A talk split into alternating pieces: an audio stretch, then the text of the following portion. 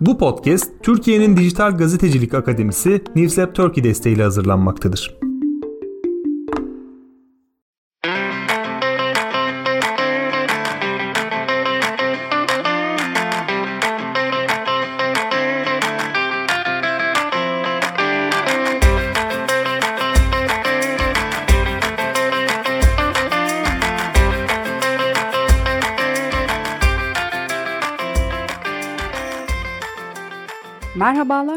Farklı Kaydet'in sunduğu Kör Nokta Podcast programının 5. bölümüne hoş geldiniz. Ben Esra Mine Güngör, Onur Kerem Tever'le birlikte bu sezon Gazi Mehmet Emin Adanalı'yı ağırlamaya ve çizgi roman tarihinden farklı başlıkları ele almaya, tartışmaya devam ediyoruz. Geçen bölümümüzde Wonder Woman özel dosyamızı kapatmıştık. Bu bölümde de çizgi roman tarihinin Silver Age'ini konuşacağız, gümüş çağını konuşacağız. Ben lafı çok uzatmadan ilk sorumu yönelterek tartışmayı açmaya çalışacağım. Şimdi Silver Age'de benim baktığım, görebildiğim kadarıyla süper kahramanlar yeniden ortaya çıkıyor. Daha önce e, İkinci Dünya Savaşı'ndan sonra süper kahramanların işsiz kaldığından bahsetmiştik. Silver Age'in başından itibaren de onların yeniden çizgi roman dünyasına dönmeye başladığını görüyoruz.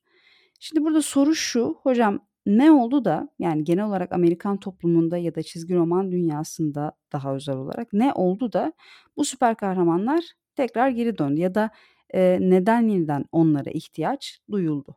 Şimdi zaten şeyi konuştuk süper ben niye ortaya çıktı 38'de süper güçlü kahraman olarak ilk süper kahraman olarak.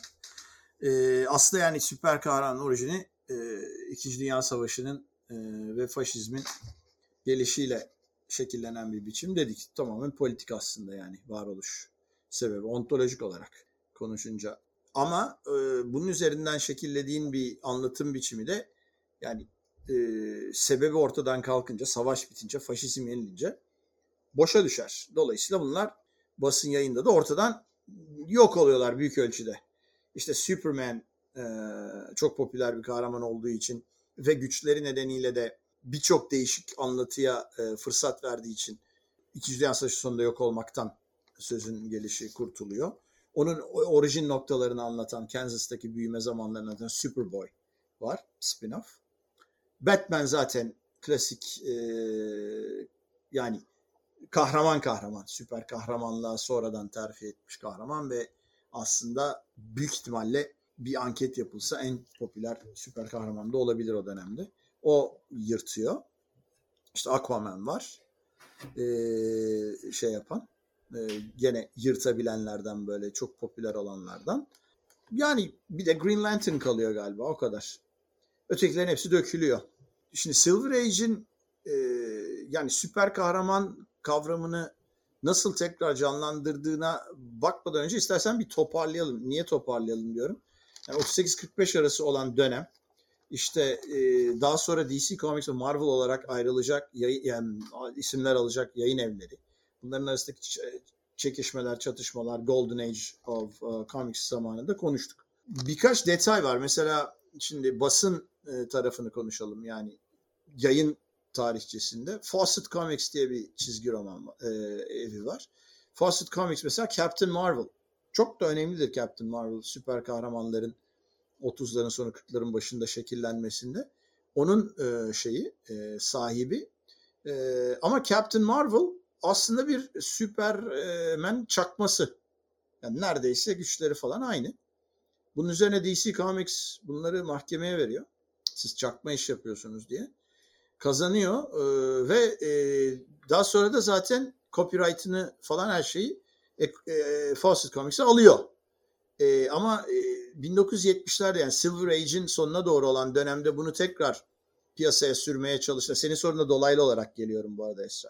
Yani hani Silver Age'de çizgi romancılar ne yaptı? Şey pardon süper kahramanlar ne yaptı? Ne etti?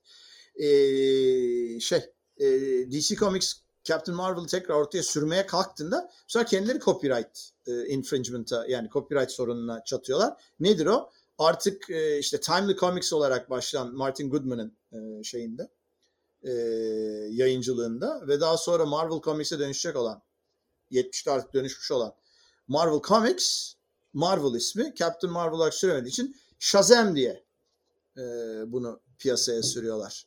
çoğu kişi mesela Captain Marvel'ı Shazam olarak bilir o yüzden. Ee, böyle komik komik şeyler var. Bu son, bir yanlış hatırlıyorsam düzeltin. Bir tür Superman gibi değil mi? O da bir tür Superman Tabii, gibi bir karakter aslında. gerçek Onun Superman çakması o. şeyi. Yani bil, Farklı sadece bir yorumu gibi. Ha Golden Age'de işte orijin hikayeleri genelde böyle e, sihir, mistik konularla falan daha çok açıklanıyor. Sci-fi'den çok veya sci- e, bilimden, science'dan çok.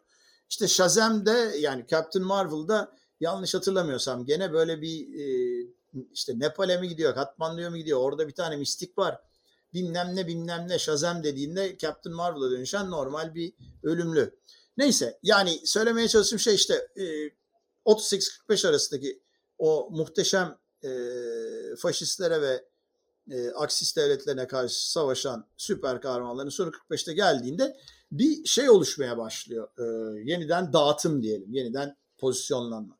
İşte Dell Comics var mesela. E, süper kahraman olmayan e, çizgi roman kahramanlarının evi diyelim. E, en başarılarından bir tanesi. Walt Disney karakterleri.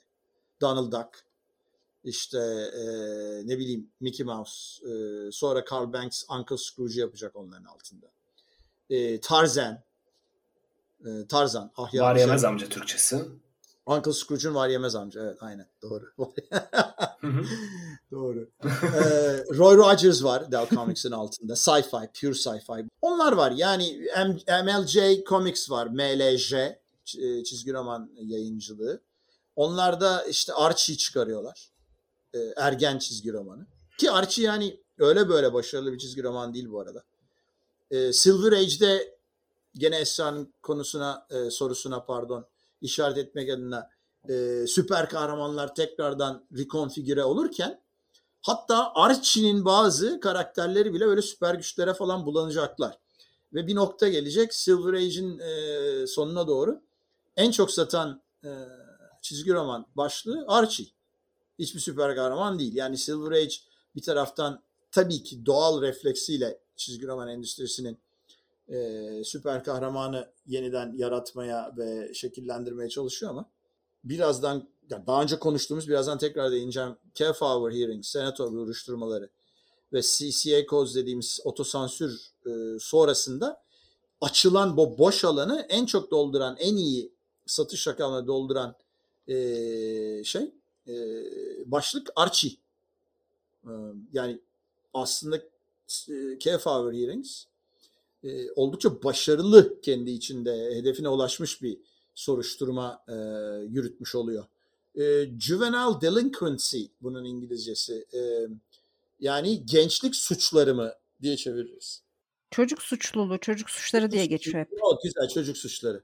Kefauer senato duruşma, duruşmalarının e, soruşturmalarının asıl hedefi çocuk suçlarındaki çok büyük artış ve bununla alakalı ne yapılabileceği ve çizgi romanda burada e, işte sürünün kara koyunu olarak öne atılıyor. Bunları zaten bir önceki podcast'te konuştuk. Merak eden arkadaşlar oradan e, tekrar gidip e, yani kendileri e, bilgi edinebilirler. Şimdi tekrar bir tık geri dönelim. Yani e, 46-53 arası yavaş yavaş bütün süper kahramanların ortadan yok olduğu, kendi e, başlıklarıyla yayınlanan kitapların yok olduğu, bunların bir kısmının antolojiye dönüştürüldüğü bir dönem. 47'de Wonder Woman'ın yaratıcısı öldükten sonra Wonder Woman da zaten e, inanılmaz derece sulandırılıyor ve e, işte ahlak anlayışının içine doğru Amerika'nın e, muhafazakar ahlak anlayışının içine doğru getiriliyor. E, ve e, savaşın getirdiği ve sebep sonuç ilişkisi içindeki hikaye anlatımlarının yerini artık bilim kurgu, e, bizim cowboy diye dediğimiz western e, janrı, savaş janrı, e, romantik janrı gibi şeyler doldurmaya başlıyor. 47'de daha da yani önemli asıl endüstriyi şekillendiren olay tabii Max Gaines'in ölüp gitmesi ve yerine oğlu Bill Gaines'in gelmesi. Educational Comics title'ı var artık e, Max Gaines'in elinde tam ölmeden. Bunları da konuştuk yani All American'ın ortaklarından biri Jack Leibovitz ile birlikte. İşte e, Detective Comics var. Natural Comics olarak biliniyor. Sonra Detective Comics olarak bilinecek. Ondan sonra da DC Comics olacak. Harry Donenfeld. DC Comics olduğu dönemde oğlu Irvin Donenfeld var artık başında. Onların arasındaki takım e, mergers and acquisitions yani birleşmeler vesaire derken Bill Gaines elinde babasından kendine miras kalan tek yayın evini Education Comics'i Entertainment Comics olarak ismini tekrar çeviriyor. Baş harflerini koruyor. EC Comics olarak bilinen EC Comics. Ve oradan e, yürümeye başlıyor. İşte gene e, geçen podcast'ta konuştuğumuz gibi korku, vahşet, kan gövdeye götürdü. Vampirler, zombiler, kurt adamlar, e, suç e, ve işte e, aklınıza gelecek her türlü böyle enteresan e, başlıklar, konular ve çok tutuluyor. Bu konuyu da niye bu kadar tutulduğunda e, insan zihninin süblimasyonu dediğimiz, psikolojide adlandırdığımız bir yapıya atfetmiştik. İçindeki vahşeti zar, etrafına kendine zarar vermeden dışa vurum olarak özetleyebileceğimiz pratiğini. Bunlar aslında ona yarayan şeyler. Ve çok büyük de bir nüfus artışı var 2. Dünya Savaşı sonrasında. Çok hızlı bir patlama. İşte baby boomers denilen dönem İngilizce terminolojisiyle. Yani şehirler ve sosyal ortam ve e, her türlü e, eğitimsel, pedagojik altyapı falan hiçbir şey buna hazır değil. Ve dolayısıyla e, çocuk suçları doğal olarak artıyor. Yani çünkü insan nihayetinde bir hayvan. Başını boş bırakırsan, belli bir yere e, kanal vermezsen, yapıcı şekilde yönlendirmezsen normal bir e, yani hayvan gibi davranmaya başlıyor. Çözümleyemediği yapıları kendi kafasını yettiği kadar çözmeye çalışıyor. Beyin 25 yaşına kadar geliştiğine göre yani e, yapıcı bir şekilde çocukları yönlendirmezsen onlar da o zamanki toplumun suç olarak adlandırdığı şeylere doğru düşüyorlar. Bu da son derece muhafazakar bir toplum yapısına sahip Amerika'da ebeveynleri, işte kiliseyi, politikacıları yavaş yavaş üste doğru endişelendirmeye başlıyor. Kefa bunun sonucu. Yani asıl hedef aslında süper kahramanlarla alakalı değil. Çünkü bu iş başında süper kahramanlar artık ölmüş ve gömülmüş durumda. 52'de ortada süper kahraman yok neredeyse. O bahsettiğim dört tane e, süper kahraman haricinden e, işte birkaç tanesi de antolojilerde sadece yer alıyor demiştim. Dertleri bunların çocuk suçlarını çizgi romanın çocuk suçlarına olan ciddi varsaydıkları etkisini yok etmek üzere yapılan bir şey. Onun da sonucunda endüstri CCA Codes, Comics Code Authority adında detaylarını da geçen sefer konuştuğumuz bir liste yayınlıyor. Buna uyarsan kapağın üzerine böyle pul gibi gerçek pul görünüşünde üzerine CCA yazan bir e, damga basılıyor ve e, dağıtım ağına kabul ediliyor senin e, bastığın yayın. Yok bunu hayır dersen zaten satacak yerin yok. Alanın yok. Dolayısıyla hemen herkes CC Codes'a uymak zorunda kalıyor. Dolayısıyla e, Esra senin yani soruna cevap vermemiz için gereken şey ye ancak geldim. E, Kefauer'ın sonu CC Codes'un başı 54 yılından 56 yılına kadar olan dönemde endüstri işte yani el yordamıyla biraz bu yeni janrlarla e, ne yapacağını çözmeye çalışıyor. Çünkü artık yani korku, e, vahşet, vampir o bu falan onlar da ortadan kalkınca suçmuş. E ne kalıyor? Elde western kalıyor. E, romantik kalıyor, çocuk kalıyor e, janr olarak. Pek de bir şey başka bir şey kalmıyor. Bir de science fiction kalıyor.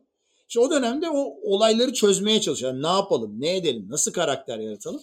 Sonra doğal olarak refleksleri şuraya dönüyor. Ya sonuçta yani süper kahraman diye bir şey yarattık biz. Bunu da bayağı ekmeğini yedik. Tamam o zaman sebep sonuç ilişkisi içinde faşizm ve İkinci Dünya Savaşı vardı. Ama şimdi başka bir şey var. Ne var elimizde? Bir kere iki kutuplu bir dünya var. Sovyetler Birliği var, komünizm var. Ama onunla da birlikte e, bilime ve teknoloji çok büyük bir yatırım var. Atom çağı başlamış durumda. E biz bu kahramanları bunların içinden böyle yoğuralım yeni yaratıklar çıkaralım ortaya. Yaratık derken bunu kötü anlamda kullanmıyorum. Yani süper kahraman bir yaratık. Niye? Çünkü Homo sapiens insan evladı değil. İnsan evladının üstü. E, farklı özellikleri var. E şimdi bu yaratıkları nasıl yaratalım? Derken birinin aklına geliyor. Ha Flash. Flash bayağı popüler bir karakterdi. Şu Flash'ı yaratalım biz. Hatta işte o Flash'ı 56'da yayınladıklarında ilk o kadar hızlı ki Flash bir filmin içindeki çizgi kareden falan da dışarı çıkıp koşuyor gibi bir kapağı vardı. Ee, yanlış hatırlamıyorsam. Neyse işte Flash'la birlikte 56'da bir dönüşüm tekrar başlıyor DC Comics. Ee, çok tutuyor bu arada Flash. Yeni yapısı, yeni e, karakter yapısı, yeni canlandırılması. Justice Society of America'dan bahsetmiştik yine geçen podcast'te. DC Comics onu Justice League of America olarak dönüştürüyor. Buna karşı Marvel yeni yeni palazlanmakta.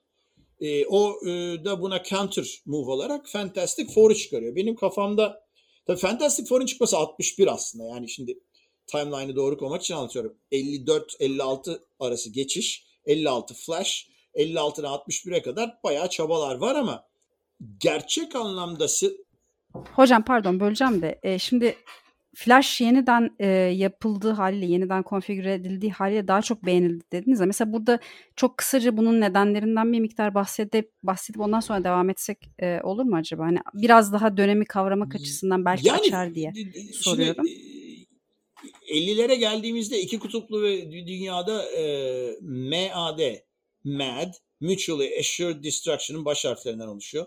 İngilizce deli demek MAD aynı zamanda. Mutual Assured Destruction'da iki tarafın birbirini bütünüyle yok etmesi üzerine kurulu bir nükleer detant yani denge. Şimdi bunun üzerinde yaşayan insanlar var. genç insanlar bir tarafa yani yetişkinler de bununla alakalı çok ciddi varoluş sorunları yaşıyorlar. Yani e, sabah kalkıyorsun işine gideceksin, üç kuruş para kazanacaksın. İşte evine geleceksin, hafta sonu barbekü yapacaksın, oğlunun futbol maçına gideceksin falan filan falan filan. Klasik bir Amerikana yapısı içinde yaşayacaksın ama bir taraftan da bir delinin teki bir düğmeye basacak ya da bir şey olacak. Boom yani dünya yok sen yoksun. Çocukların yok. Çocuklarının geleceği yok. Aslında günü gününe yaşıyorlar ama yokmuş gibi davranıyorlar. Bu bir insan oğlu için çok zor bir şey. Bir de şöyle bir sorun var tabii. Şimdi gençlerden ve çocuklardan bahsediyoruz. E, yani e, nörolojik tarafına girmeyeceğim. Psikolojik tarafına da çok fazla girmeyeceğim ama çocukların, ergenlerin kategorik olarak gidiyorum ve sonra da genç yetişkinlerin gelecek algısı beyin kapasiteleri ve tecrübeleriyle de mütevellit. Çok kısıtlıdır yetişkinlere oranla.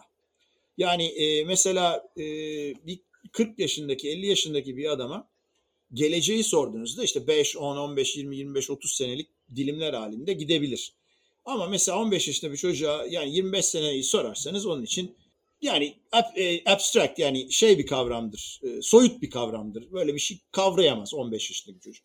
Hatta 20 yaşında hatta 25 yaşında bir insana sorduğunuzda da bunların çok azı istatistiki olarak 10 seneyi 15 seneyi gerçekçi anlamda algılayabilirler. E, bunların üzerine çok ciddi deneyler var ve hepsi aynı yöne işaret ediyor. O yüzden artık çok tartışılan bir konu da değil. Bir de tabii yaşanmış süreçle alakalı bir şey.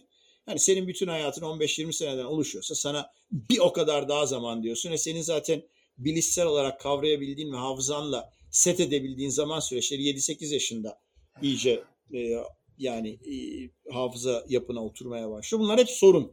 Dolayısıyla bir nükleer tehdit e, yok oluş altında yaşayan insanlar gelecekle alakalı çok ciddi sorunlar yaşıyorlar. Bunların hepsini bir araya kattığın zaman. Şimdi böyle bir durumda e, ya ortaya çıkardığın süper kahramanın böyle efsanevi hiçbir şeyden korkmayan e, koydu oturtan ve her şeyi böyle çözen yaşasın Amerika ile basitleştirilebilecek bir halde kalmıyor. Çünkü yani elde olan gerçek dünya ve bunun sorunlarıyla senin yarattığın anlatıdaki kahramanların örtüşmesi lazım ki sen kahramanın ne yaptığına, nasıl yaptığına, sorunları nasıl çözdüğüne ilgi duy. Öbür türlü duymazsın. Klasik hikaye anlatımı. Yani kahramanın yolculuğu senin ilgini çekecek. Nasıl çekecek? E sen onda kendinle alakalı bir şeyler bulacaksın. Onun ortamında kendi dünyanla alakalı benzerlikler bulacaksın. Doğrudan veya dolaylı. Yani ha söyle onu. Yani burada şöyle bir yere gelebiliriz gibi geldi. Ben enteresan bir noktada bulunduğumuzu düşünüyorum. Bu anlattıklarınız itibariyle bir tekrardan bir kısa kronoloji çektik. Altın Çağ'dan e, yani süper kahramanların çıkışından Altın Çağ'ın sonuna ondan sonra e, bir hani ara dönem diyebileceğimiz 50'lere bahsettik. Tek 50'lerden bahsettik tekrardan. Kev Our Hearings'e tekrardan geldik ve yeni bir çağ açtık. Fakat bu çağda benim fark ettiğim iki tane özellik var. Birincisi e, süper kahramanların işsizliği meselesini tekrardan ele almış olduk. Süper kahramanlar ee, yeni çağda kendilerine tekrardan bir iş onu, buldular.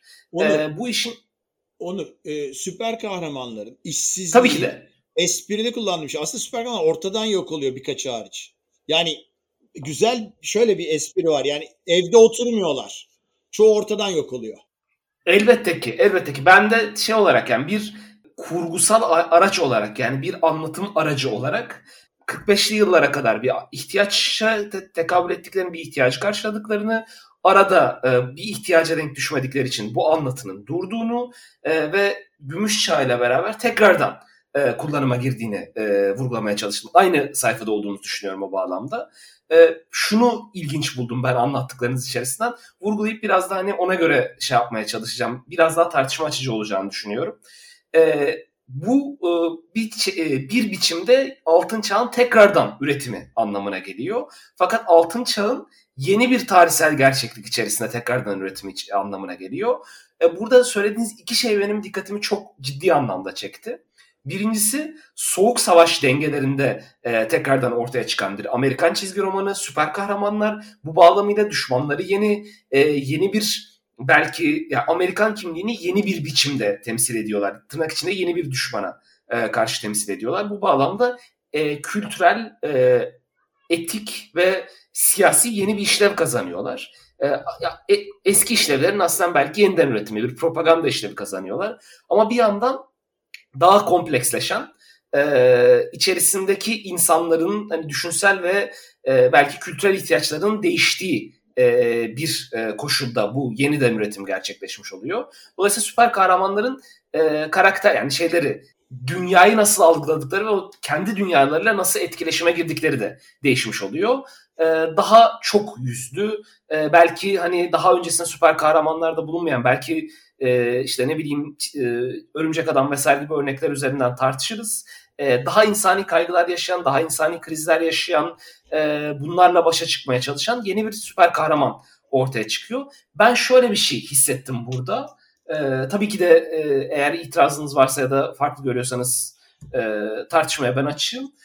E, fakat bu yeni koşullar içerisinde yeniden üretilen süper kahraman belki de o orijinal süper kahramanla kurulan daha hani sınırları belli, hedefi doğrultusu belli sadece propaganda üretmeye yarayan e, kurgunun biraz da dışına çıkmanın, onun ötesine doğru e, yol almanın olanaklarını da açmış oluyor. Tabii ki de kendi başına değil. Çok büyük bir karşıt kültür hareketi var. O da önümüzdeki programlarda ele alacağımız bir başlık olacak. E, Underground Comics, yeraltı çizgi romanı diye belki çevirebiliriz.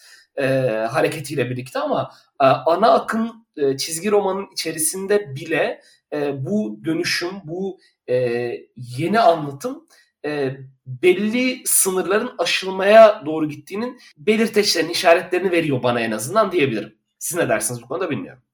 E, altın yani gümüş çağındaki anlatılar biraz altın çağ ve sonrasındaki anlatıların esasen bir sentezi gibi ortaya çıkıyor diyebilir miyiz acaba? Ben biraz öyle anladım da yanlışsa da Ha ben biraz daha farklı bir şey söylemeye çalışmıştım ama tabii ki de böyle de anlaşılabilir. Altın çağı zamanının dışında yeniden kurmaya çalışan yani altın çağına geriye dönmeyi dayatan bir e, politik atmosfer var. E, çizgi roman endüstrisinin üzerinde, endüstrisinin üzerinde pardon. E, bu e, yeniden o dengelerin ya da yeniden o dönemde kullanılan bir takım e, kültürel aygıtların e, önem kazanmasını sağlıyor ama yeni koşullar altında olduğu için e, o aradaki dönemi de tabii ki de belki de içinde yeniden üretiyor. Belki de e, soğuk savaş dengelerinin yarattığı e, bir takım kültürel ihtiyaçlar do, dolayımında da bunların e, baskısı dolayımında da işte süper kahraman şey e, Superman geldi işte problemleri çözdü ya da işte doğrudan tek yüzlü, tek e, doğrultulu bir süper kahraman anlatısını da artık e, olanaksızlaştırmaya başlıyor. Ya bu şey şimdi biraz daha somuta indirgemek için söylüyorum. Senin ya biraz soyut anlattığın için belki anlaşılması zor olabilir de ben senin anlattığından şöyle bir şey anladım. Biz Gümüş Çağ ile birlikte aslında karakterlerin kendi iç çatışmalarını da görmeye başlıyoruz. Bir yandan düşmanlarıyla olan çatışmalarını önceki dönemlerde görürken işte şeyde Süpermen'in veya diğer süper kahramanların düşmanlarıyla çatışmalarını görürken burada biraz daha işin içine karakterin kendi çatışmaları da dahil oluyormuş gibi geldi bana. Ya öyle anladım anlattığından. Bu doğru mudur ya da böyledir vesaire diye söylemiyorum.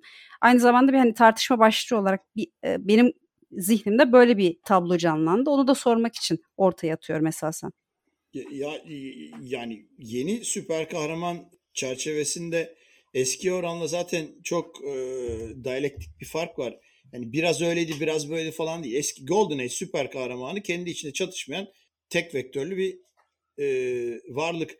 Şimdi yani Silver Age'de Flash, ilk Flash tam olarak böyle değil mi? Oraya doğru evrilmenin başı yaratılmış e, şekliyle.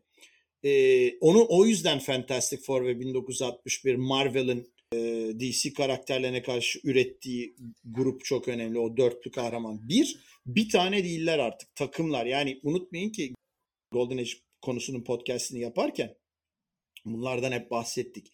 İşte Justice Society of America belli başlıklar altında belli süper kahramanların antolojik bir yere getirilmesi falan filan.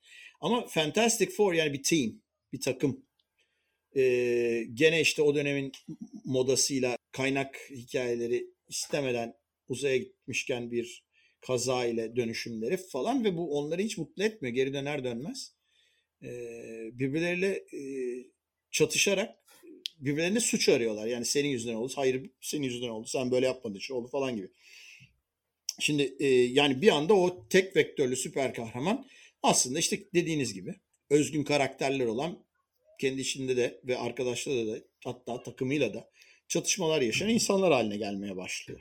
Yani e, bu yapıyı hiçbir zaman e, geçmişte bulamıyoruz. İşte Submariner'mış, Captain America'mış, Human Touch, e, Torch'muş, e, Atom'mış, bilmem, bilmem kimmiş hatta daha ufak karakterlerde onlara geleceğim ayrıca. Böyle bir şey yok. 56 ile 60 arasındaki geçen dönemde süper kahramanlar yavaş yavaş dönemin gereklilikleri içinde ve dediğim gibi biraz daha büyümüş olan artık yetişkinliğe adım atmış veya çocukluktan çıkıp ergenliğe adım atmış e, okuyucu kitlesinin de ihtiyacı karşılayacak şekilde e, şey, şey yapılıyor e, yeniden e, fon veriliyor o yara, şeylere e, karakterlere. Bir de tabii bizim için önemli olan e, şey Spider-Man yani e, o Fantastic Four'dan da sonra gelecek.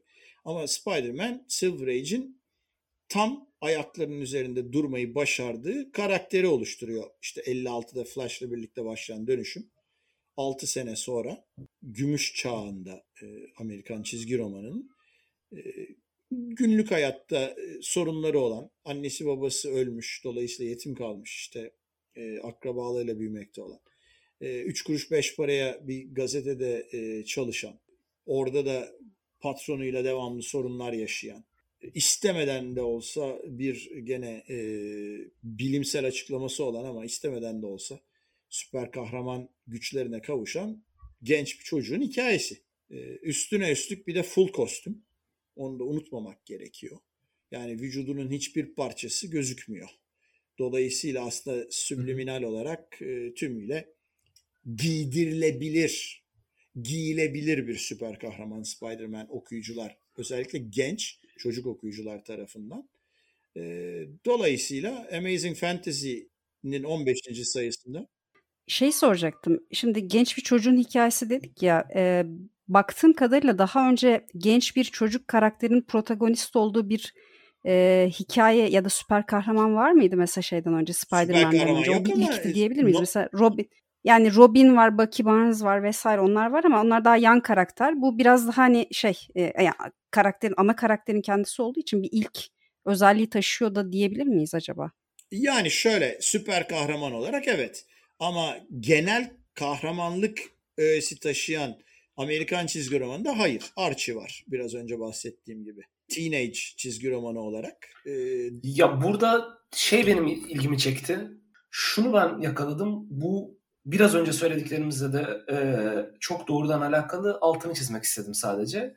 E, şey değişiyor. Yani e, süper kahramanlar altın çağında işlerini bilerek isteyerek yapan e, yaşadıkları dönüşüm ya tanrı vergisi ya da işte e, başlarına geldiği için memnun oldukları e, bir dönüşüm. Bir şey yani Amerikan politikası doğrultusunda sorumluluk alan işte tırnak içinde iyi vatandaş olarak e, kurgulanan karakterler bunlar. E, fakat gümüş çağına geldiğimiz zaman sizin bahsettiğiniz o e, başlangıç hikayeleri, orijin hikayelerinde değişen bir şey var. Memnun değiller karakterler e, başlarına gelenlerden. Ya memnun olup e, olmaması onunla birlikte... değil sadece. Yani memnun olup olmamanın ötesinde şu asıl olan kendi istekleriyle gidip kollarını uzatmıyorlar değişim için. Ya da bir, bir şey yani kendi e, özgür iradeleriyle ben değişeyim de süper kahraman olayım derdinde falan değil kimse. Bu başlarına gelen bir durum.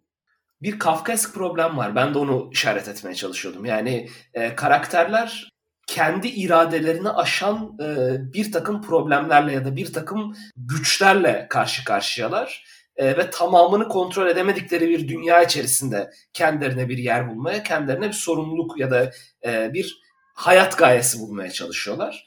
E, bu bence önemli bir faktör. E, karakterlerin insanlaşması açısından önemli bir faktör.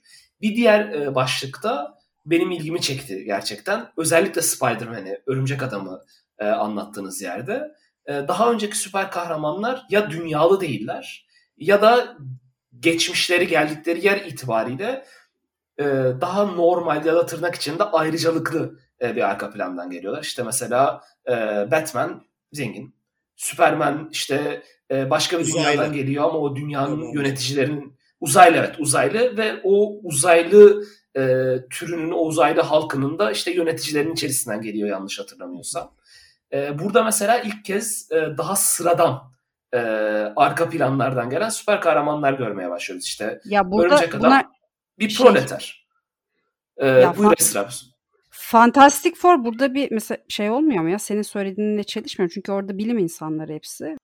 Ya illaki e, şey değil. Yani sıradan sokakta yürüyen insanlar illaki değil. Bunu ben özellikle Spider-Man'i anlatmak için söylemiştim ama mesela e, şeyde Green Lantern'ın yeniden revizyonist bir biçimde hikaye olarak sunulması e, piyasaya bütünüyle karakterin ismi, cismi, mesleği dahil ve işte nasıl e, Green Lantern olduğuna dair bir e, yeniden yazım gerektiriyor. İşte Alan Scott yerine e, bu şey demiryolu mühendisi işte bir tane e, fener buluyor. O sihirli bir fener. İçinde bir ring var falan filan hikayesi yine. E, Hal Jordan test pilotu. E, işte yüzük nereden? Uzaylılar getirmiş. Uzaylıların hı hı e, bir polis intergalaktik bir polis forsu var. Oradan gelen bir yüzük onun için kullanılıyormuş falan gibi. Yani bu bu ögelerden baktıysa uzaylılar gene var. Sci-fi gene var. E, sadece e, yani asıl determinant faktör çoğunlukla diyelim yeni yaratılan özellikle altını özellikle çizerek söylüyorum. Yeni yaratılan çizgi roman kahramanları hı hı. istemeden bu duruma düşüyorlar. Spider-Man'in popülerliğinin en temel sebebi içimizden biri olması. Yan taraftaki e, evin bebesi yani. Ve burada yani genç bir çocuk olması çok önemli. Sonuçta hitap ettiğin kitle bu. Yani yetişkin biri gelip sana rol modelliği yapmıyor. Senin bir arkadaşın yanlışlıkla süper kahraman oluyor ve bu güçleriyle ne yapacağını, ne bok yiyeceğini bilmiyor. Üç kuruş para kazanmak için okulun dışında çalışırken neredeyse bütün çocukların o dönemdeki yani o dönemde bu dönemde şu dönemde ergenlerin herkesten ve her şeyden nefret ettiği gibi o da birçok şeyden canı sıkılıyor, nefret ediyor. Patronu hıyarın teki zaten o şekilde çiziliyor, yazılıyor, ediliyor. Hiçbir şey anlamaz bir herif olarak. Yani günlük hayatın bütün yansımalarını Spider-Man kendi içinde düşmanlarıyla savaşırken e, olan zamanın dışında yaşıyor. Burada belki şey de eklenebilir hocam. Siz bir es vermişken ben de araya gireyim. Ee, Spider-Man'in kendi bir şeyi de yok. Süper kahraman mentoru da yok. Mesela son işte Marvel sinematik evreninde bunu biraz değiştirdiler. Iron Man'i işte bir mentor yerine koydular vesaire ama orijinalinde benim bildiğim hikaye yok, öyle yok, değil. Şey yani şey yok İşte kendi men- herhangi bir mentoru hiçbir şey yok. Tamamen kendi kendine e, süper güçleriyle Onu hatta bir adım öteye götürdüler bildiğim kadarıyla. Tabii ki de bu bununla alakası vardır şeyin örümcek adamın daha sıradan e, ve e, hedef kitlenin e, içerisindeki insanların daha doğrudan ilişki kurabildiği yaş aralığı itibariyle bir karakter olmasıyla alakası vardır. Ama e, süper şey süper kahramanları 2020'lerin başında tekrardan e, kurgularlarken bir e, Spider-Man evreni yarattılar benim bildiğim kadarıyla. E, son filmlerine bakmıştım yanlış hatırlamıyorsam. Orada mesela Örümcek Adam'ın e, farklı evrenlerdeki e, iz düşümleri ana karakter olan Örümcek Adam'a mentörlük yapıyor mesela. E, böyle bir değişim var. Mentörlük yani yapmıyor da şöyle oluyor. Yani o şey e, ne deniyordu? Çoklu evre, evrenlerde bir karışıklık yaşanıyor. Doctor Strange'in yaptığı bir büyü sebebiyle. Sonrasında hepsi o aynı evrene düşmüş oluyorlar. Orada mentorluk yapılmıyor da birbirlerine biraz yardım ediyorlar. Esas mentor senin dediğin e, şeyde Marvel sinematik evreninde bu e, yani 2012'den sonra çekilen filmlerde hmm. Iron Man'i koyuyorlar. Okay. O okay. fark orada oydu benim bildiğim kadarıyla. Yani anlatıyı biraz değiştirmiş oluyorlar başlangıç hikayesinden sonra. Yani DC Comics'in 60'ların ortasında Silver Age'deki geçen bütün hikayelere Earth One yani Dünya Bir, birinci dünyada nasıl çevirirseniz e, evreni deyip e, bütün Golden Age'i ikinci dünya evreni olarak tanımlaması ki aradaki e, tutarsızlıkların bir açıklaması olsun. Bunun gibi bir şey. Sonuçta yani yeni anlatılar, yeni e, sebep-sonuç ilişkileri içinde bir takım gereklilikler ortaya çıkarıyor mu diyeyim. Buna göre de pozisyon oluyor. Sonuçta kalemin ucunun e, sonu yok. Yaz yazabildiğin kadar, çevir çevirebildiğin kadar. Yani e, bugünün 2022 yılında 17 yaşında olan bir çocuk 1947 yılındaki süper kahramanın ne yaptığını açıkçası yani araştırmıyordur.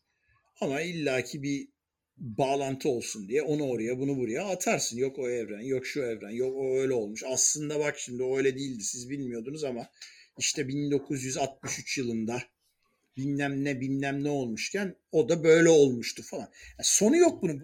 Silver Age dediğimiz dönemin Amerikan çizgi romanındaki bana sorarsanız asıl esprisi süper kahramanı tekrardan paketleyip, süsleyip, allayıp, pullayıp o günün şartlarına uygun ortaya koyması tabii ki ama e, işin yani bayağı başka e, şeyleri var. Söyle katmanları var. Bir kere çizgi kalitesi ve ortaya çıkan e, çok başarılı çizerler ve yazarlar. İşte Jack Kirby, Jill Kane, Steve Ditko, John Buscema, Jim Steranko, Neil Adams, e, Carmen Infantino, Joe Kubert, Mike Seko, Sek, neydi? Sekowski'ydi değil mi adı? Yani bu, bu insanlar o kadar başarılı çizgilerle bu kahramanları canlandırıyorlar ki bir kere kahramanların sırf karelerin içinde, çizgi roman sayfaları içindeki çekiciliği artıyor. Bence bunun çok önemli bir etkisi var yeniden canlandırılabilmesinde.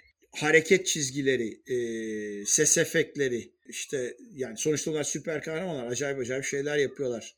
Kareden kareye, kareden kareye. Bunların daha gerçekçi şekilde çizilebilmesi, kalemlendirilebilmesi, taramaları, bilmem neleri çok önemli. E, ikincisi hikaye yazarları, çok başarılı hikaye yazarları ortaya çıkıyor e, gene bu dönemde ve işte biraz önce konuştuğumuz konuların e, elle tutulur hale gelmesini, karakterlerin tek vektörlü e, yaratıklar halinden çıkıp insansılaşmaları, insan gerçek insan gibi dertlerine şahit olmamızı sağlamalarını ortaya çıkarabilen yazarlar ortaya çıkıyor. Sonra Marvel evreninin tabi e, DC'nin gölgesinden çıkıp kendi ayakları üzerinde çok sağlam şekilde durmaya başlaması. Bu önemli.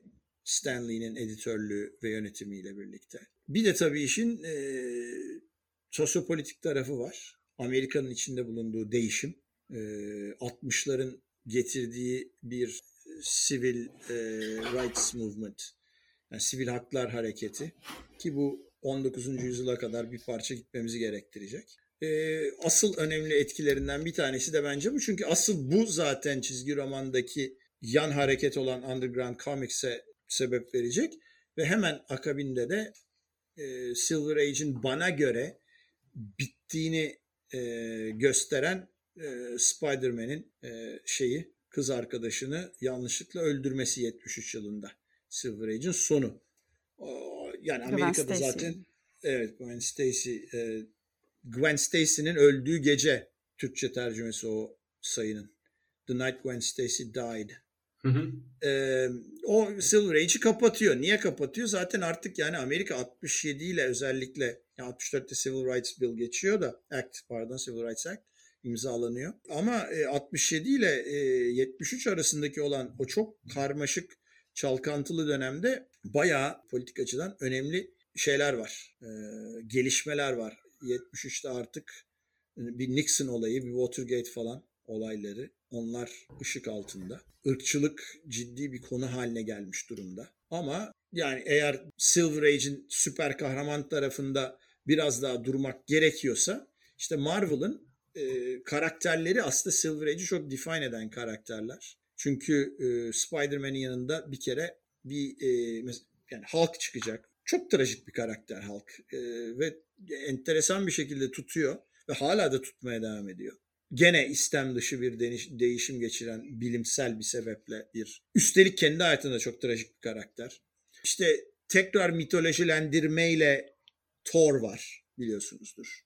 En önemli ama serilerden biri gene X-Men.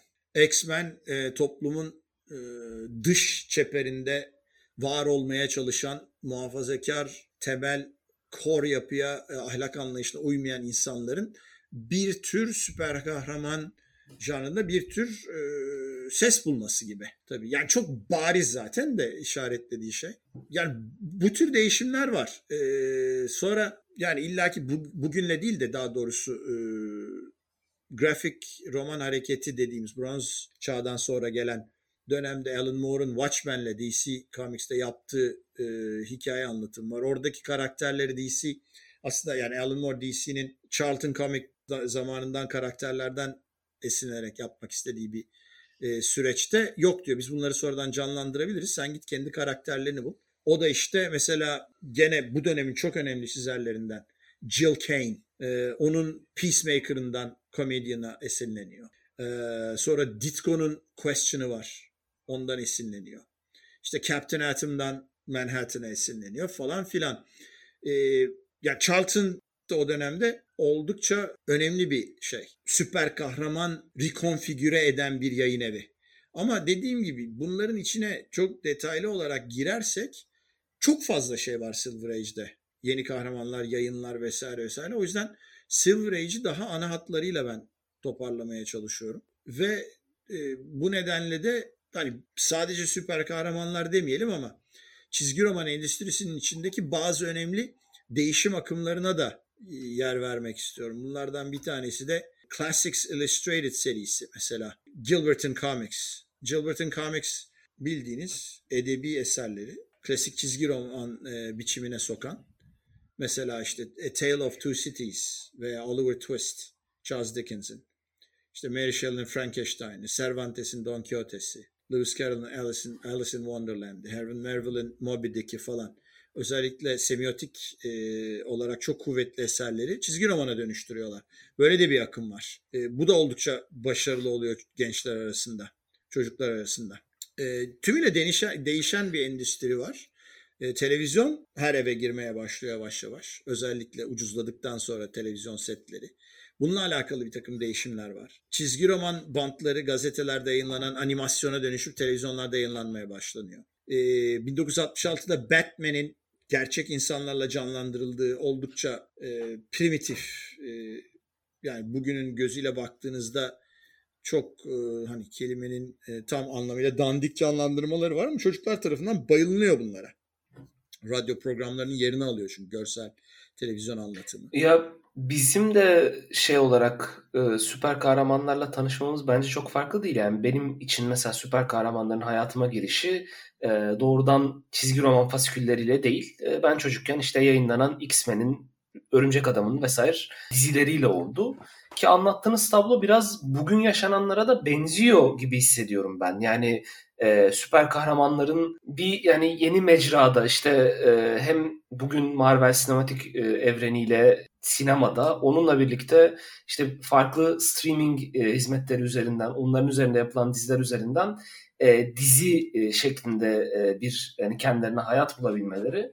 Orada ee, esas şey Disney Plus üzerinden mesela ya Marvel sinematik evreni bir bütün ya zaman çizelgesi var. Filmler birbirinden kopuk değil bir zaman çizelgesi doğrultusunda akıyor ya hepsi. Hı. Yani bir kısım anlatıları film üzerinden bir kısım anlatıları dizi üzerinden anlatıyor olmaları yani dizileştiriyor ve işte aynı zamanda e, sinemaya uyarlıyor olmaları yeni bir şey. Yani benziyor ama daha farklı bir şey. Tabii tabii. Böyle bir bağlantı dedim, Daha farklı bir formla devam, yapıyorlar bunu. Devamlılık yok. O doğru.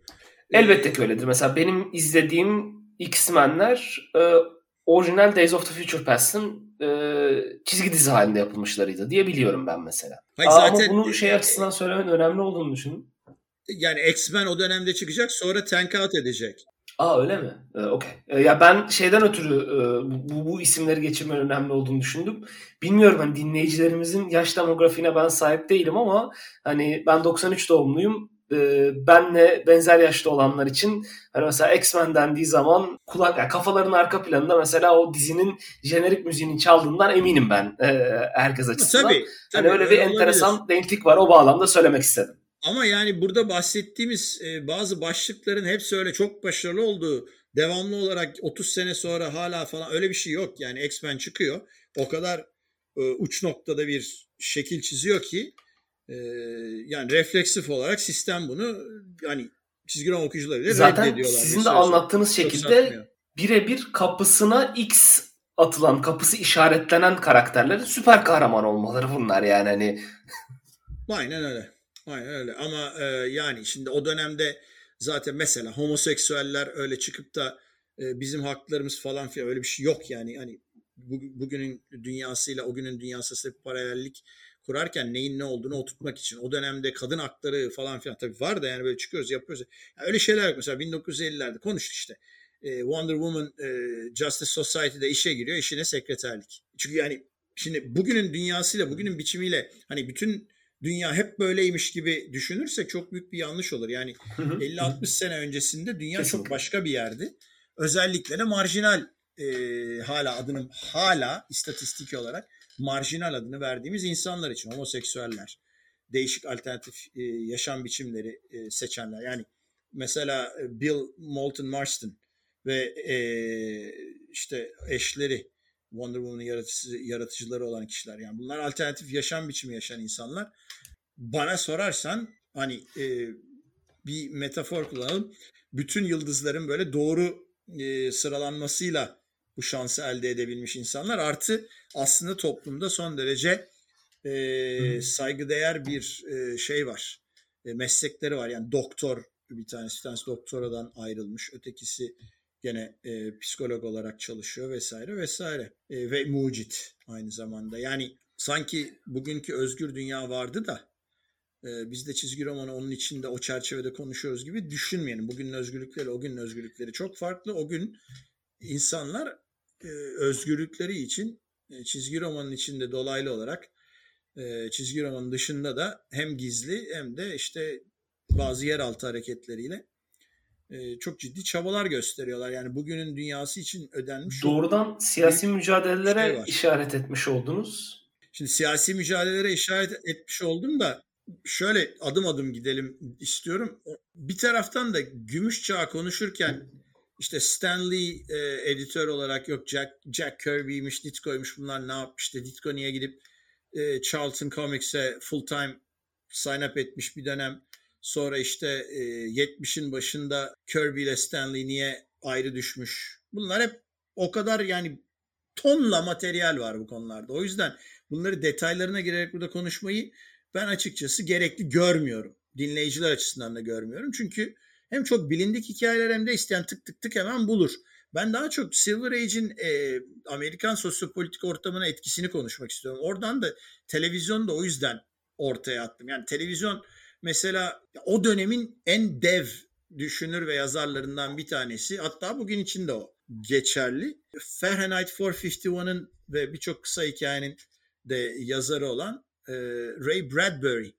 Mesela Ray Bradbury Fahrenheit 451'ı yazdığında aslında anti-television daha doğrusu yani e, televizyon insanları nasıl aptallaştıracağı varsayım üzerinden e, yazdığı bir hikaye. Ama e, işte yani bugün de sosyal medya ile alakalı çok enteresan ve farklı tartışmalar dönüyor. Yani her dönem kendi teknolojik değişikliklerini topluma sunduğu ve topluma yedirmeye başladığı zaman e, yedirme kötü anlamda kullanmıyor. Yani topluma benimsetmeye anlamında. Toplumunu satın alıp kullanmaya başlaması gibi düşünelim. Yedirmeye başladığı zaman bir takım değişiklikler oluşuyor. İşte Charlton Comics ile alakalı hani çok adını söylüyorum Charlton Comics'in. Çünkü Charlton Comics aslında çok kritik böyle DC ve Marvel kadar görünür değil ama onların hemen altında oldukça kritik görevler veya misyon demeyeyim çünkü o bir e, niyet belirtir ama belki vardı belki yoktu bunu ben bilmiyorum. Ama çok önemli kritik e, sonuçlara yol açmış bir takım e, kararlar alıyor. İşte bu licensing konusundan bahsettim ya. Ana Barbera çizgi e, filmleri, animasyonlar. Mesela işte e, bizde taş devri değil mi? Flintstones, The Flintstones. Fred and Wilma. E, ondan evet, sonra taş devri. Jetgiller var, The Jetsons. Yani bu tür e, mesela karakterlerin tuba yani televizyona girmesi olayı. E, Beetle Bailey vardır. O var. Blondie var. Bizde e, Bassi ile Fatoş diye çevrilmişti. Milliyet'te yayınlanırdı. Onun çizgileri. işte sonra mesela Buck Rogers'ın devamı olan Flash Gordon. Yine Charlton Comics'ten geliyor licensing olarak. Jungle Jim.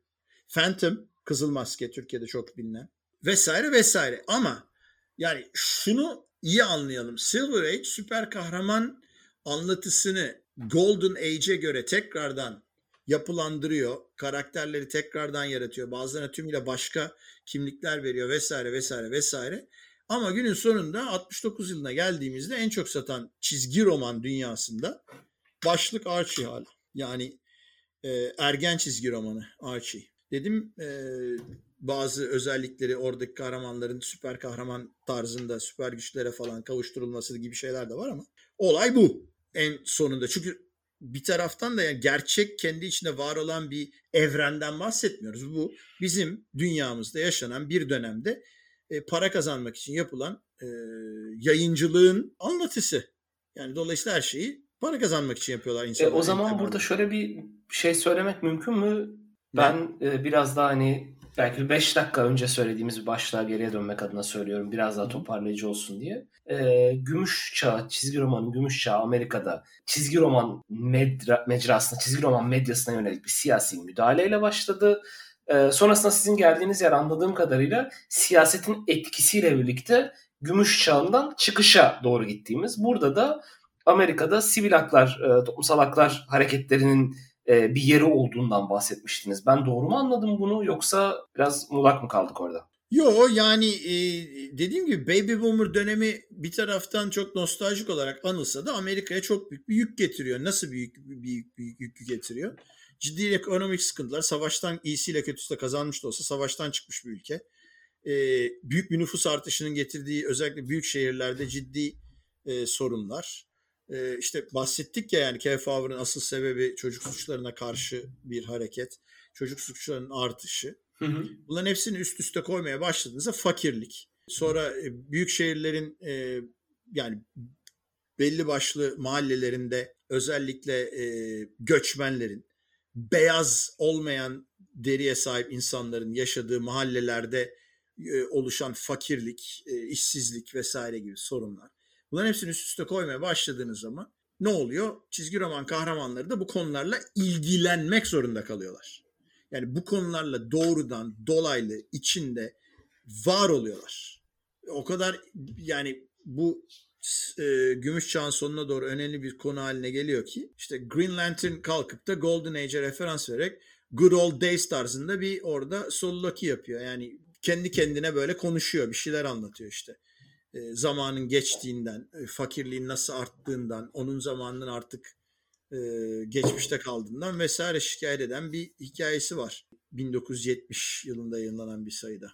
Dolayısıyla bizim süper kahramanlar başta kullandığımız bir tabir işsizlik derdine düşüp hatta çoğu yok olduktan sonra kendilerini tekrar çizgi roman sayfalarında bulurken dünyanın normal Amerika Birleşik Devletleri açısından dünyanın gelişmeleriyle de karşı karşıya buluyorlar. Bunlarla cebelleşiyorlar. Bu cebelleşmelerin sonucunda da normal insan hayatının dertleriyle sarmalanmış, bunlarla da uğraşan ama süper kahramanın öz vektörü olan işte düşmanlarla savaşma, kötüleri yenme e, kavramının da çok fazla uzağında durmayan yeni bir jenerasyon yaratılmış oluyor. Şimdi bütün bu olay olurken yani ne işte 56 Flash dedik, 61 Fantastic Four dedik, 62 Spider-Man dedik ve 73 e, Gwen Stacy'nin yanlışlıkla Spider-Man'den e, Spider-Man tarafından kurtarılmaya çalışırken Peter Parker öldürülmesi dedik. O o dönemde 17 senelik dönemde Amerika'da neler oluyor? Asıl bence önemli konu bu. Çünkü bütün süper kahramanlar 3 aşağı 5 yukarı bununla etkileniyorlar ve yaşadıkları maceraların özellikle de 65 sonrası bununla direkt etkisi var. Sayfaların içinde de gördüğümüz. 73'te en yüksek noktasına ulaşan şekilde. O da bence bizi e, Amerika'daki nasıl çevireceğiz bunu? Civil Rights Act, Medeni Haklar Yasası. Yani şimdi 1960'lar aslında çok karma karışık bir dönem. Amerikan tarihinin ve dünya tarihinin en determinan dönemidir benim için. Tartışılabilir. Yani yazılı tarihimiz 4200-4300 sene geriye gidiyor Gılgameş'e kadar ama bana göre insanlık tarihinin, insanlığın varoluşunun yay, ney, evet, hayır, devam, tamam noktasına geldiği dönem. Niye derseniz bilmeyen arkadaşlar için hızlıca hatırlatalım. Küba krizi ve e, Sovyetler Birliği, Amerika Birleşik Devletleri'nin gerçek bir nükleer savaş eşiğine Sovyetler Birliği'nin çaktırmadan Küba'ya orta menzilli füzeleri yerleştirmeye çalışması, sokuşlamaya çalışmasıyla ortaya çıkan kriz ve bunun nükleer savaşa gitmeden çözüm dönemi. Kennedy'nin Amerika tarafında başkanlığı sırasında John F. Kennedy'nin öbür tarafta da Khrushchev var. Birçok açıdan bakılabilecek bir şey. Mesela yani e, bunu ilgilenen arkadaşlar oturup araştırabilir ama şöyle bir basit perspektif koyalım. Jüpiter füzeleri o dönemde Türkiye'de duruyor. Cillop gibi. Türk politikası ve genel e, Amerikan politikası çerçevesinde bu Türk halkından saklanıyor. Açık bir bilgi değil ama Jüpiter füzeleri bilmeyen için onlar da kısa menzilli Amerikan nükleer başlıklı füzeler ve Moskova'yı ve Rusya'yı e, herhangi bir e, demir perdenin Batı Avrupa'ya doğru hareketi oluşursa temizlemek için koyulmuş füzeler. O zaman diyeceksiniz ki kardeşim siz niye kalkıp da Küba ile alakalı bu kadar sorun çıkardınız, dünya yok etme noktasına geldiniz karşılıklı. İşte bunlar enteresan sorulardır. Bunlar çok üzerinde konuşulabilecek sorulardır. Yani e, çünkü Küba'yı konuşmak için Theodore Roosevelt zamanında 19. yüzyılın sonuna gitmek gerekiyor. E, deniz savaşlarında Amerika'nın çok büyük üstünlük sağlamaya başladığı, Küba'yı kendi alanı, kendi e, etki alanı olarak gördüğü zaman Porto Rico, Küba vesaire. Yani e, tarih dediğiniz zaman işte her şey bile giriş şekilde gidiyor ama bunu bu kadar açmadan konuşalım. O dönemde resmen e, Kennedy ile birlikte Amerika Birleşik Devletleri ya bu füzeleri buradan kaldırırsınız ya da biz düğmeye basarız ne olacaksa görürüz dediği res çektiği bir dönem. Rusya geri adım atıyor Sovyetler Birliği o zaman. İyi ki de atıyor yani ne diyelim ki. Dediğim gibi e, çünkü bir nükleer bugün artık çok iyi biliyoruz ki bilgisayar simülasyonları sayesinde gerçekten çok limitli bir nükleer e, füze kapışması olsaydı nükleer kış denen bir dönem dünyayı en az 10-15 sene etkisi altına alacaktı. Öyle bir süreçte de herhangi bir tahıl veya besin yetiştirmek imkanı kalmayacağı için e yani geçmiş olsun. O zaman insanlar 4 milyardan biraz halliceydi galiba. Siz düşünebilirsiniz ne tür bir distopik durum oluşurdu. İnsanoğlu yaşar mıydı, yaşamaz mıydı bugünlere, gelir miydi? Yoksa sonunda bugün e, artık e, bütün böcekler e, bayram mı ediyor olurdu? Aha işte sonunda insanlar gitti biz de rahatladık. Oh şimdi biz bize dünyada takılalım. Homo sapiens'in başımıza bela almadı bir dünyada mı derdi bilemiyorum. Ama günün sonunda Civil Rights Act yani Medeni Haklar Yasası. Evet şimdi bu 64'te geçen Medeni Haklar Yasası aslında zurnanın en son zırt dediği yer. Bunun öncülü şeye gider. 19. yüzyıla gider. 1875'te böyle bir şey geçirir Amerikalılar sivil savaş sonrası. E, fakat Anayasa Mahkemesi Supreme Court yani İngilizcesi buna en fazla 8 sene falan sabredip 8 sene sonra Civil Rights Cases yani işte anayasa hakları e, duruşması adı altında bir dönemde der ki kardeşim sen devlet olarak bunlara karışamazsın. Hadi canım anca gidersin der. Böyle bir karar alır. E, yani bugünün Anayasa Mahkemesi'nin çeşitli konularda aldığı e, kararların başka bir alanda muadili gibi. Demek ki birçok şey hakikaten belki de siklik böyle insanlarla alakalı. Tam bir Hegelyen dünyada yaşıyoruz ve bunu aşamıyoruz. Ne kadar büyük bir filozofmuş. Tez, antitez. Ben de tam olarak şey düşünüyordum. Amerika'da e, şeyin doğrudan devlet kurumlarının müdahalelerinin e, kamu haklarının kısıtlanması, engellenmesi yönünde çok tutarlılık gösterdiğini düşünüyordum. E, yani aslında bu iki taraf. Galiba karşıymış. Yani bu, bu, bu bir tenis maçı gibi aslında. Böyle kafalar izleyiciler için bir tarafa bir tarafa. Çünkü yani şimdi o 1883'te bu rezaletten sonra çok uzun bir süre zaten böyle höldür höldür yani gerçekten çok uzun bir süre 20. yüzyılın içine kadar gidiyor. Ne kadar gidiyor diyeceksin. Aa, iki tane atom bombasını bakalım bu bizim teknolojiler neler yapıyormuş diye Japonların tepesine salladıktan sonra Truman kendi e, alan yani Amerika'nın e, içinde de e, Executive Order 9981 diye bir şeye imza atıyor. Executive Order şöyle bir şeydir Amerikan politik yapısında. Başkanlar bir sürü şey imzalayabilirler. Kanun nezdinde kararname var ya bizdeki. Hı hı. Onun gibi bir şey. Kanun Ama hükmünde kan- kararname. Aha, kanun hükmünde kararname. Ondan sonra ama bunlar tabii e, federal yasa haline dönüşmediği için bir şey federal ya- yasa haline dönüşmesi için önce şeyden e, House'tan geçmesi lazım. Sonra Senato'dan geçmesi lazım. Sonra da başkanın imzalaması lazım. E, bu pek fazla ciddi bir e, etkisi olmuyor. Sadece federal kurumlarda geçerliliği çok yüksek seviyede. İşte asker, polis vesaire vesaire. Polisin de federal tarafı yani lokal polisten bahsetmiyorum. Veya işte courthouse yani daha doğrusu devlete de- de- de- devletten para alan bütün kurumlar ve insanlar. Ama e, 54'te Brown vs. Board of Education diye bir kararı var Supreme Court'un.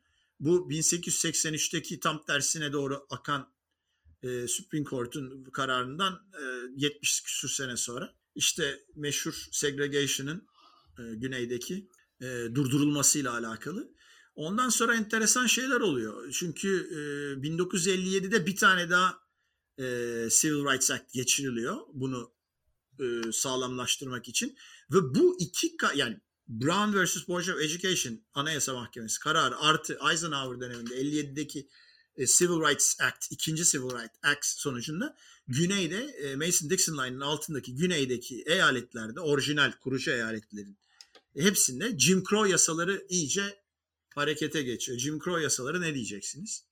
Şimdi iş orada e, yani bir başka özel e, podcast e, programına dönüşüyor. Onu orada o yüzden bırakacağım. Ama şu kadar e, söyleyeyim. Jim Crow yeni bir kölelik biçimi. Yani köleliğin yasak olduğu bir dönemde kölelik döneminin e, sosyal kurallarının ve etiketlerinin nasıl geçerli kılındığının şey başlığı Jim Crow. Ondan sonracıma bundan sonra da işte zaten e, Kennedy öldürülecek 63'te. Ondan sonra da 64'te LBJ, Lyndon Johnson, e, Kennedy'nin vice president başkan oluyor e, Kennedy öldürülünce. 1964'te çok enteresan bir e, başarı elde ediyor ve bugün için artık bugünün Amerika'sını en azından kanuni çerçevede uygulanabilir halde bir Civil Rights Act'e dönüştürüyor.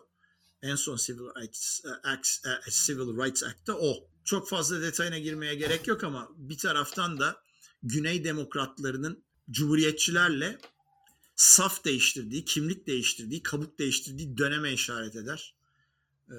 Çünkü yani oylamalara falan bakarsanız orijinal bütün kurucu Güney eyaletleri denilen işte Arkansas'dan Virginia'ya, Louisiana'dan Florida'ya kadar olan o bölge, Mason-Dixon Line'ın altındaki bölgede House'ta 8'e 94 aleyhte, Senato'da da 1'e 21 aleyhte oy veriliyor 64'teki Civil Rights Act'e.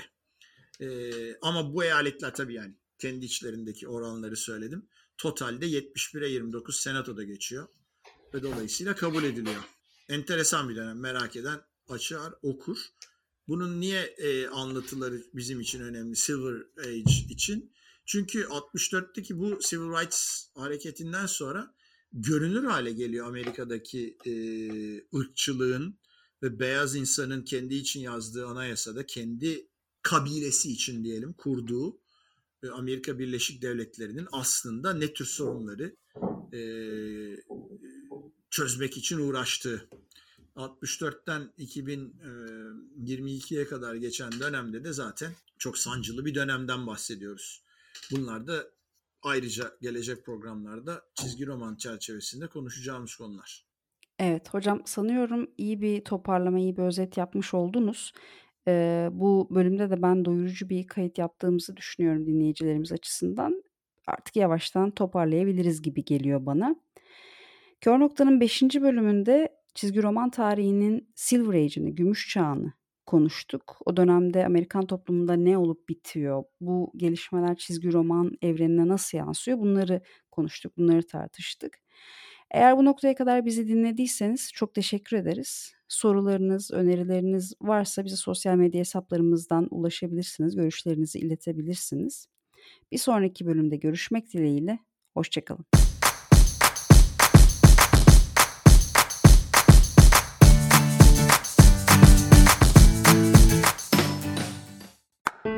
Bu podcast Türkiye'nin Dijital Gazetecilik Akademisi Newslab Turkey desteğiyle hazırlanmaktadır.